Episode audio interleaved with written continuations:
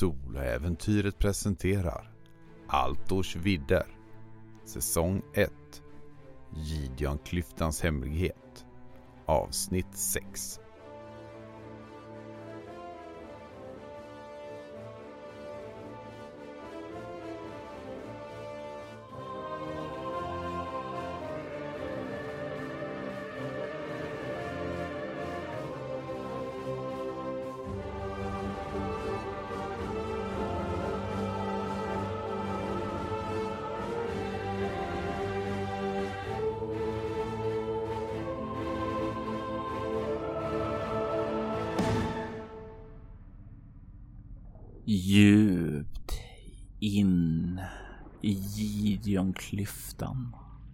så finns det en hemlighet. En hemlighet som Sanko Anka nu håller på att utforska. Han har tagit sig förbi en lagun med någon typ av sjöodjur och trängt upp i vad som verkar vara en gammal gruvkoloni av de krunska bosättarna. Han har funnit en ring, en ring som låter honom förstå språket. Och han hörde dem tala om, ah, ett namn nämndes, Karaleja. De var så nära och Sanko har krupit undan lite tagit sig bort från platsen där han var. Bara ta lite längre bort ifrån dem för att inte bli upptäckt. Och till slut så vände de sig tillbaka och började gå bort. De har rört sig dit han var på väg. Och nu sitter han där i mörkret och han hör återigen det här dånandet ifrån vattenfallet som han hörde tidigare bakom honom. Att det måste finnas någon typ av öppning i berget. Sanko minns ju de här stora vyerna. Han kom upp på krönet och stirrade ner där över mot Gideonklyftan att det fanns flera vattenfall där. Och det här måste vara från ett av dem. Då.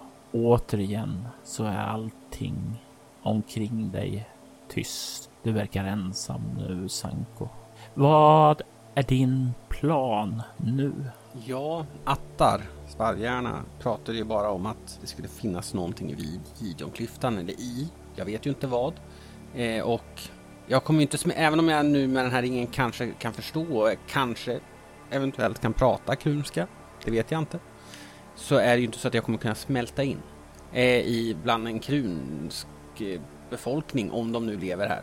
Jag menar, jag tror inte ankor var en stor grej historiskt. Därför vet jag inte hur de kommer bemöta mig. Och det är alltid bra att ha en flyktväg. Och ner i vattnet till det stora bästen i vattnet. Dit vill jag inte fly. Så jag eh, försöker nog lokalisera vart det här vattenljudet kommer ifrån. Att röra mig bakåt för att se, är det en väg ut? Är det en väg vidare? Jag vet ju som sagt inte vart den här Lorion som jag följer efter enligt vad de här krunerna pratar om. Jag misstänker att Lorion var mannen som jag jagade. Eh, vart, vart, vart han är. Han är ju målet. Så att jag försöker med hjälp av vattnets ljud lokalisera mig utåt mot vattenfallet.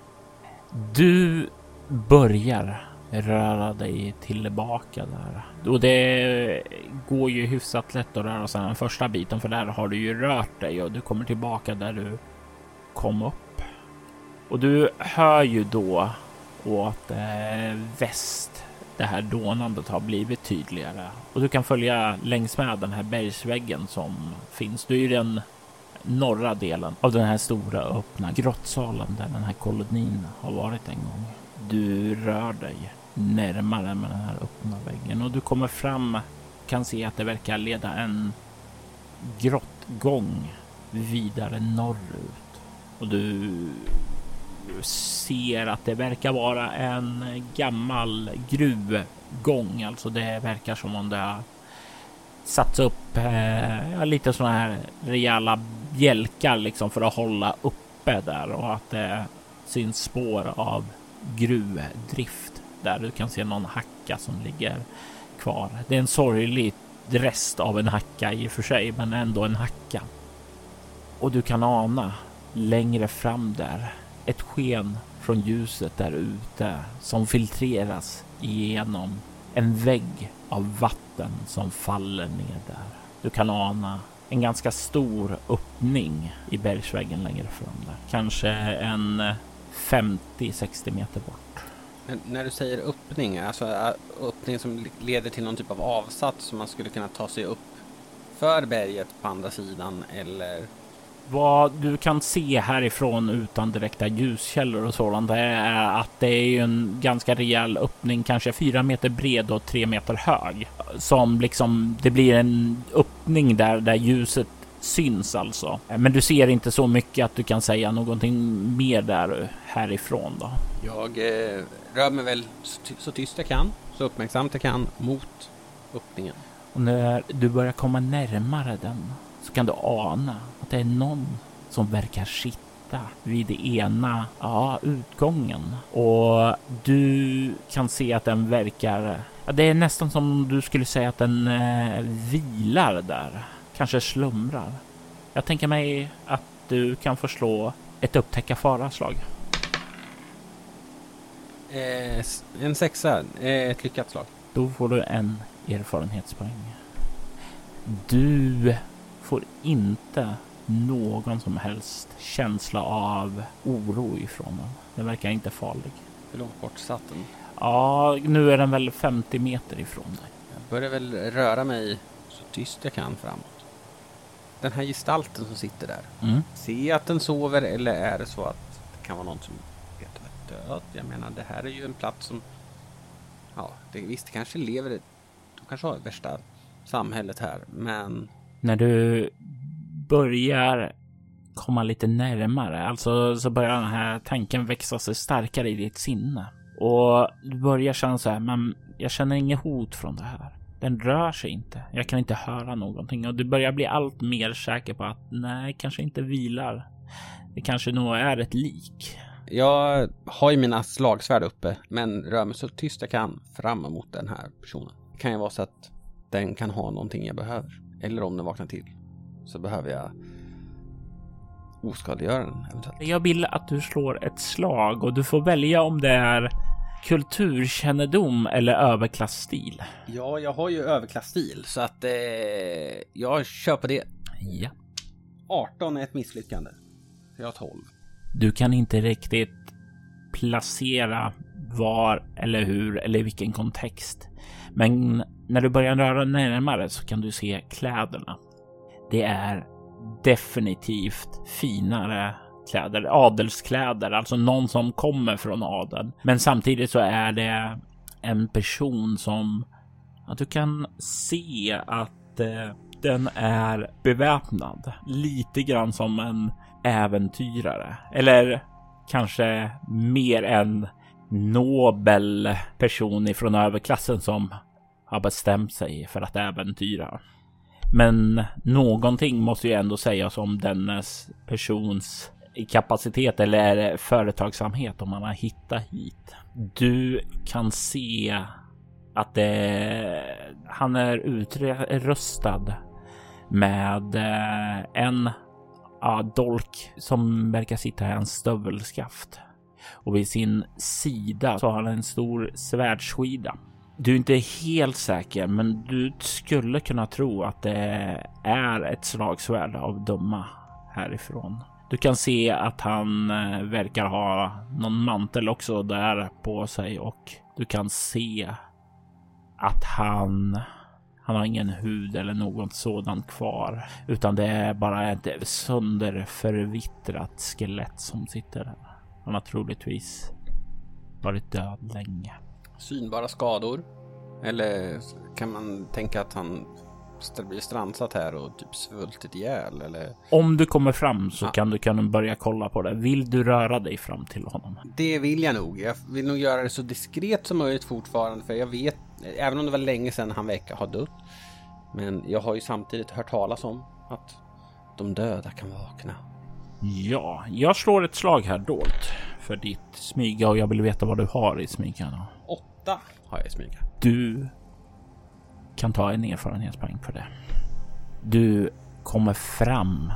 Du kan se att han verkar ha inga direkt ytliga sår, men du kan se att en del av hans ansikte verkar definitivt ha varit med om någonting. Du kan se att en del av hans kranium verkar ha utsatts för någon onämnbar fasa. För du kan se att det verkar svett inte av eld utan snarare av någon typ av frostskada kanske.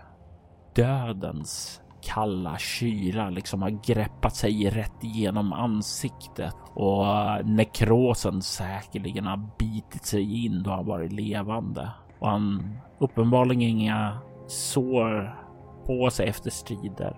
Kanske hann han aldrig så långt innan han flydde och liksom stapplade ihop här. Kanske var han på väg ut här för att kasta sig igenom det som du sa att du ville ha koll på. Men uppenbarligen så hann han inte hela vägen ut då. Hur långt ifrån honom är Nu kanske det är en fem meter ifrån honom. ingen annan gestalt eller någonting i rummet vad jag kan se. Nej. Jag eh, rör mig nog fram till honom. Han har en mantel, fina kläder, ett slagsvärd, Mm. En dolk. en dolk. Jag rör mig fram men med och pe- petar lite grann på honom med slagsvärdet. Och när du petar på han så blir det att han liksom hasar lite åt sidan och faller ihop livlöst. där. Då eh, tänker jag, han, det här är ju knappast någon gravplats och jag vet inte hur han skulle vilja begravas eftersom jag inte ens vet var han är ifrån. Så tänker jag att den utrustning som han eventuellt har eh, har ju jag större nytta av än han. Mm. Så jag muddrar honom lite snabbt. Jag kollar om det finns någonting jag kan använda av.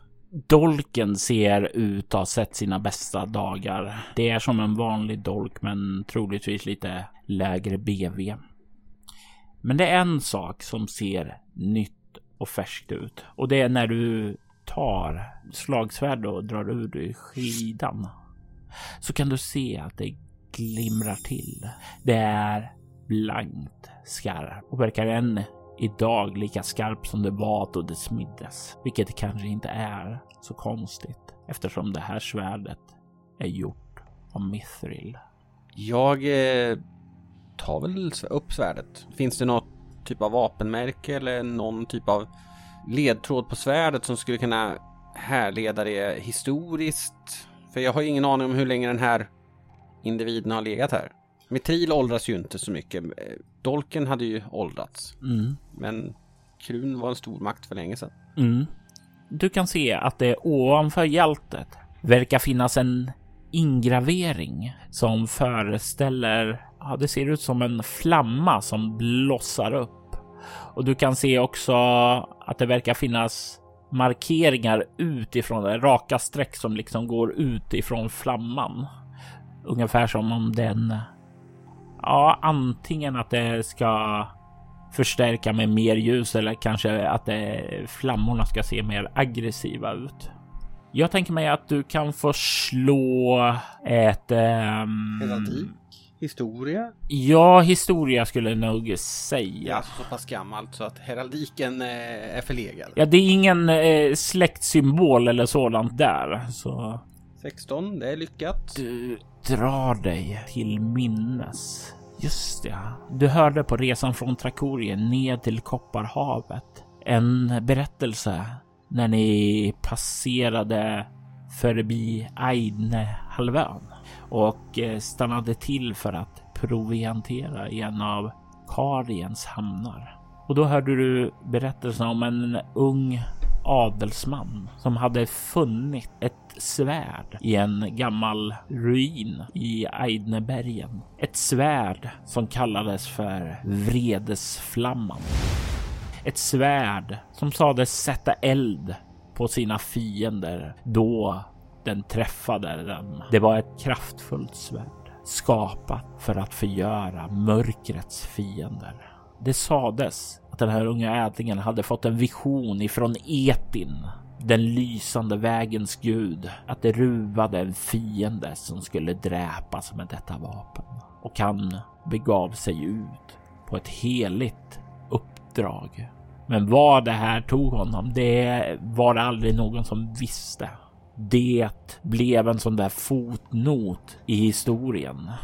Du kan nu dra dig till minnes att jag klädseln här. Nu, nu blir det ju tydligt. Det är ju kardisk mode. Det var ju samma mode som eh, mm, du lite grann såg när du besökte överklassfesten här. Väldigt mycket mode kommer ju från Kardien eftersom det var ju de som återetablerade boendet här efter att den krunska kolonisatörerna försvann i samband med den tredje konfluxen.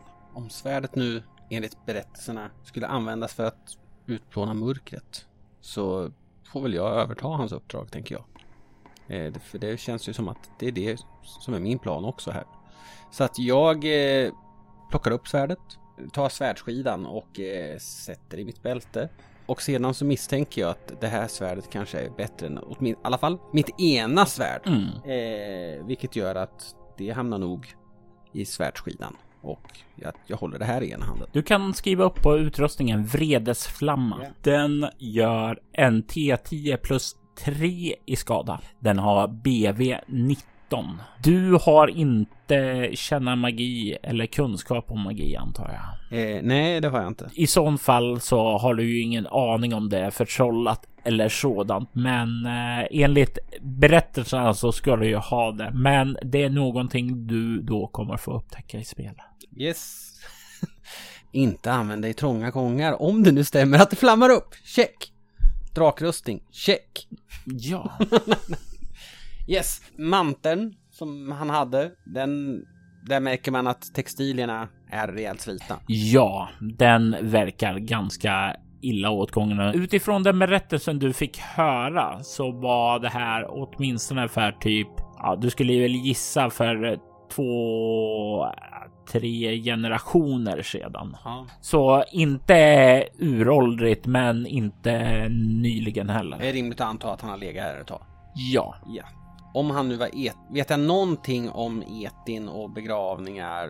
Eh, alltså jag tänker att här Ja, jag kan inte ge honom en värld, jättefin begravning, men om jag kan göra någonting för honom för att han vill ju ändå göra någonting gott om berättelsen stämmer. Ja, eh, jag tänker mig att du kan få slå ett slag för teologi. Det är ju inte din främsta färdighet. Nej, eh, jag har ju två och slår en femma så att jag är inte jättelångt ifrån. Men... Nej, du har ingen aning om själva etin eftersom där du slog det ner så är ju de unga gudarna eh, snarare de som har mer fotfäste. Det är ju, I Berendien så är det ju inte så stark tro och där du växte upp i Trakorien så är det ju en helt annan guds panteon då än Etin.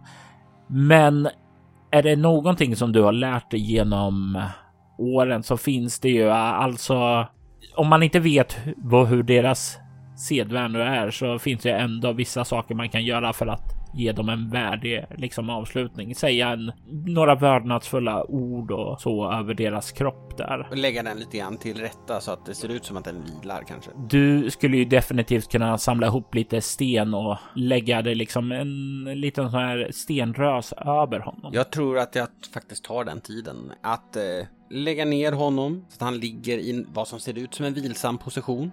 Börja lägga som en liten ring med stenar runt. Jag ska fortsätta ditt uppdrag att kämpa mot ondskan och mörkret. Vila i frid, tappre, okände hjälte.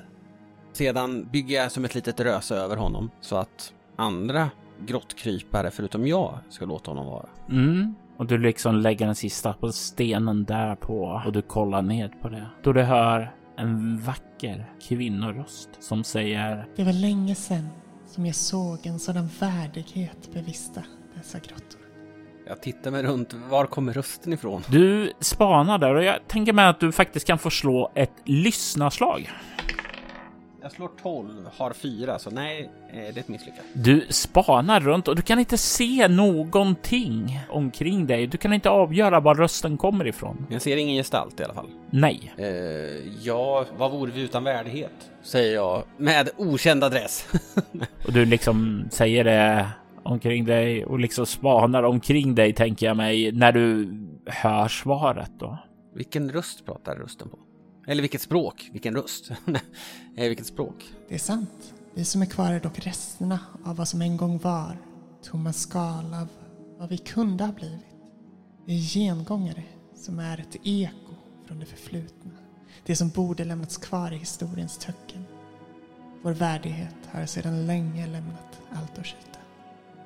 Du kan när du liksom kollar dig runt som sagt var inte se var den kommer ifrån. Så du istället börjar du fokusera på den här rösten. Vad talar den för språk? Och du är rätt säker på att det är ett språk som du inte behärskar. Men du kan ändå förstå det. Och det låter ungefär som eh, det som de pratade. Det är rimligt att anta att det kan vara krunska. Krunska är ett språk, jajamän. Det var en kvinnoröst jag hörde. Ja. Karalia. Ja, det är mitt namn. Och du är inte bara en man av ädel själ, utan en vis hjälte som förstår vem jag är. En man som heter Lorion är anledningen till att jag är här. Känner ni till honom? Jag vet vem Lorion är. Lorion Mörkeralven. Han är här för att frigöra en uråldrig ondska. Imaria. Ja! Till odödas och eviga plågans gudinna. Jag var den sista monturiska drottningen. men Jag fängslade gudinnan här, den tredje konfluxen. Jag blev begravd i min kammare och jag har varit här och bevittnat det som sker omkring mig. Tillfreds med att Imaria aldrig skulle vakna. Jag har inte kunnat ingripa eller ta mig fri och den lilla energi jag har sträcker jag nu ut till dig eftersom denna stund är av största vikt. Lorien är här för att utföra en ritual. Och om han lyckas så kommer Imaria att frigöras. Och i samma stund som det sker kommer alla här på monturen att förvandlas till hennes gengångare. Vad kan jag göra för att stoppa det? Var är Lorion? Lorien är i Imarias tempel, där jag fängslade henne. Han har förslavat gengångarna här med sin nekromanti och även om de inte vill tjäna honom så kan de inte motstå det. De är hans slavar.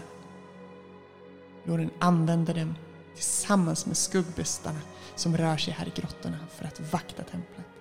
Jag vill att du tar dig in där och stoppar honom från att frigöra gudinnan. Jag vet varför du kommit hit. Du söker ett barn. Ett barn med oerhörd magisk potential. Ett barn som har förmågan att kunna vara ett husrum åt en gud.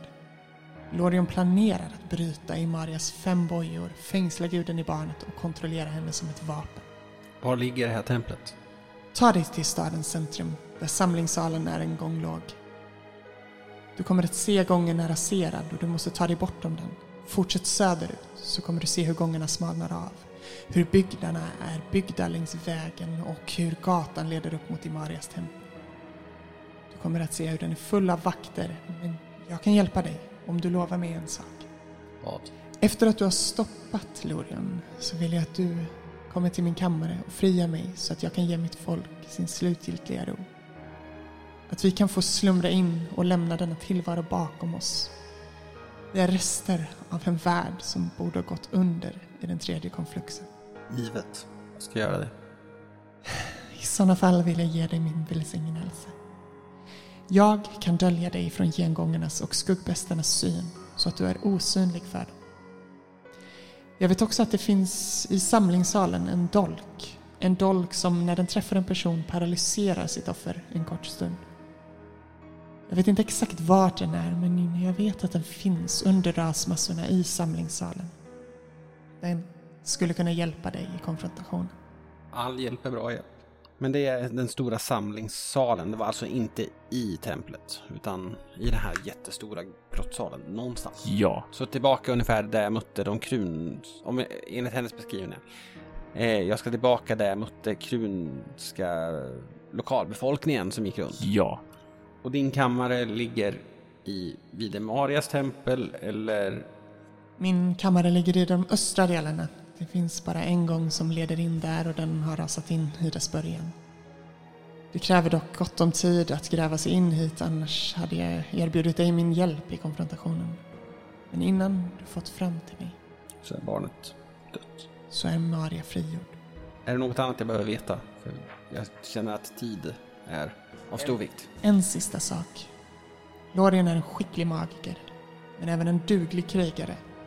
Han bär på några av de mörka kronjuvelerna, en uppsättning mäktiga magiska artefakter. Känner dess styrka ända hit, men vilka de är och exakt vilka dess funktioner är kan jag inte säga. Jag känner dock att dess krafter är dolda för mig och kanske är det för att kronjuvelerna är artefakter med egna medvetande. Det finns en god uppsättning och en ond uppsättning. Och Lorion bär på den onda. En dag så kommer mörkrets och ljusets kämpar mötas i en episk kamp som ska resultera i en omvälvande förändringar i Ereb. Lorion tror att han är den utvalde och kanske han är det.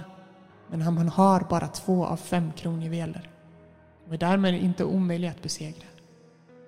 Undvik dock att röra dem, ty det kan korrumpera även en så ljus själ som din Sanko. De här kronjuvelerna, det är inget jag hört någonting om tidigare.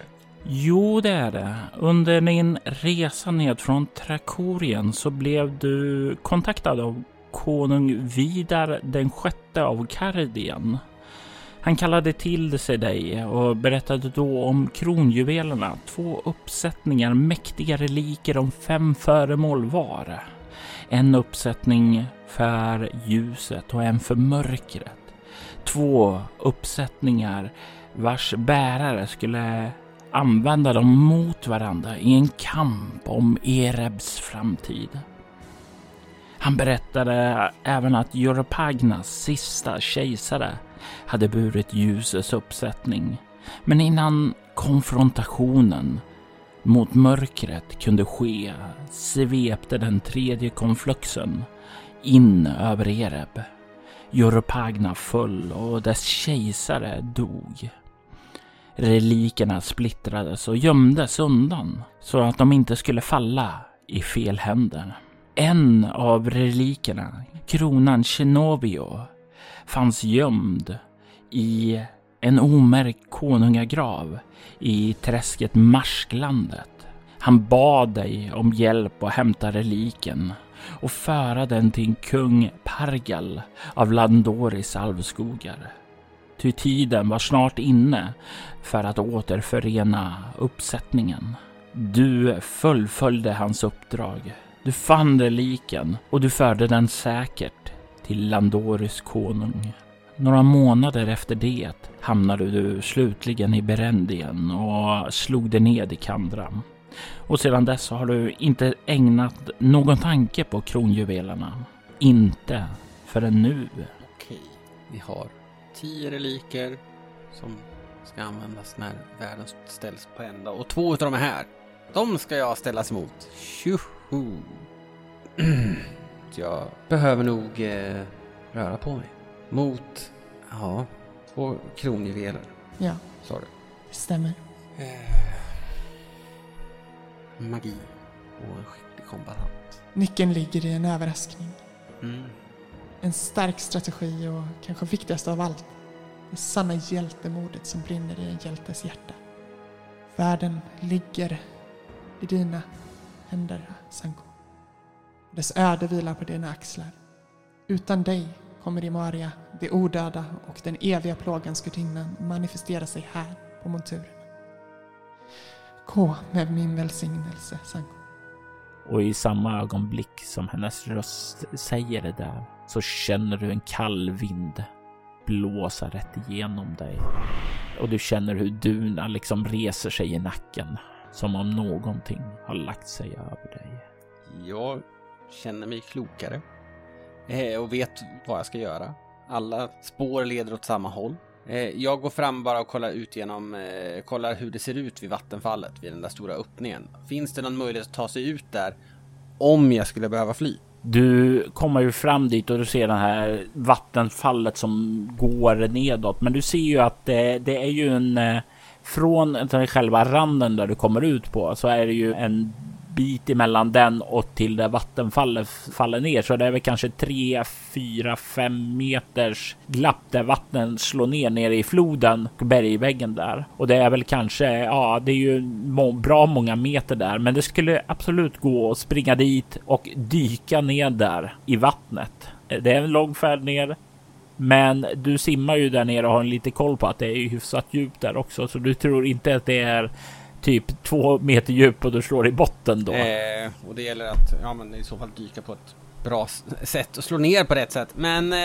hoppa, hopp, hoppas det inte ska behövas. Fördelen för dig är ju att eh, ankor är väldigt, väldigt väl anpassade för att röra sig i vatten. Så kommer du i vatten så vet du ju att du har ett övertag gentemot andra här troligen. Bra, då har vi en utväg eventuellt.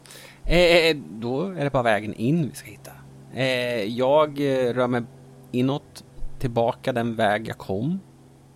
Eh, ja, Jag kommer att slå ett smygaslag för dig också.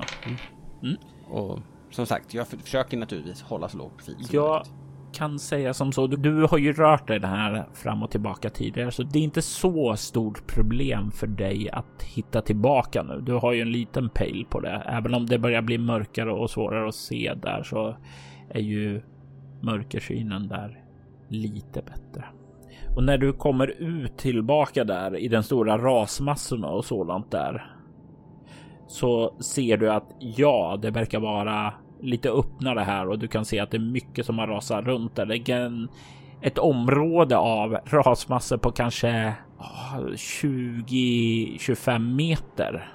Och det är inte som en bara en stor hög, utan det, det finns ruiner av hus som liksom brasat samman och det finns lite gångar där emellan och sådant där. Eh, det är som en jag har lite grann tänkt det som ett stort gigantiskt skrotupplag. Mm.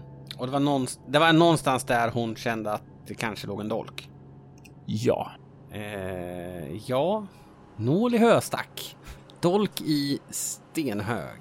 Se några utav lokalbefolkningen här. gör en liten scoutrunda innan du kliver in och börjar leta då. Eh, ja, det gör jag. Eh, eftersom jag faktiskt inte vet att ifall hennes eh, de odöda gengångarna och skuggbästarna kommer inte kunna se det om det stämmer eller inte. Eh, så ja, det gör jag. Du följer då den här utkanten av den här stora rasmassan där. Eh, det som hon kallade församlingssalen. Mm. Och eh, kommer... Ja, följer den vidare söderut och du kommer till dess spets där. Så kan du se att det verkar finnas eh, gångar som leder vidare åt både väst och lite snett sydöst också. Men det verkar också som att lite åt vänster, vad du kan se av den här gången, så verkar det också finnas en gång som leder åt söder och därifrån kan du ana också ett pulserande rött sken. Söderut, det var där hon nämnde att Imarias tempel skulle ligga. Jajamän. Och hon sa att Dolk skulle finnas i samlingssalen som jag egentligen har gått förbi. Ja, precis. Du är vid dess sydligaste del just nu. Eh, I så fall gör jag nog så att jag rör mig tillbaka till samlingssalen Mm. eh, och försöker. Jag kommer inte kunna vända upp och ner på alla rasmassor, men ändå försöka hitta den där dolken för att smyga sig på och försöka paralysera Lorion kanske är mitt bästa val. Och här så får du slå ett finna dolda ting. Och jag tänker ge dig ett val här. Hur lång tid kommer du att spendera med att leta? För varje timma som du spenderar att leta så får du plus två i CL. Men du kommer bara få slå en gång och om det går för länge Så är det kört. Ja, eller så blir allting mycket, mycket mer akut när du väl agerar.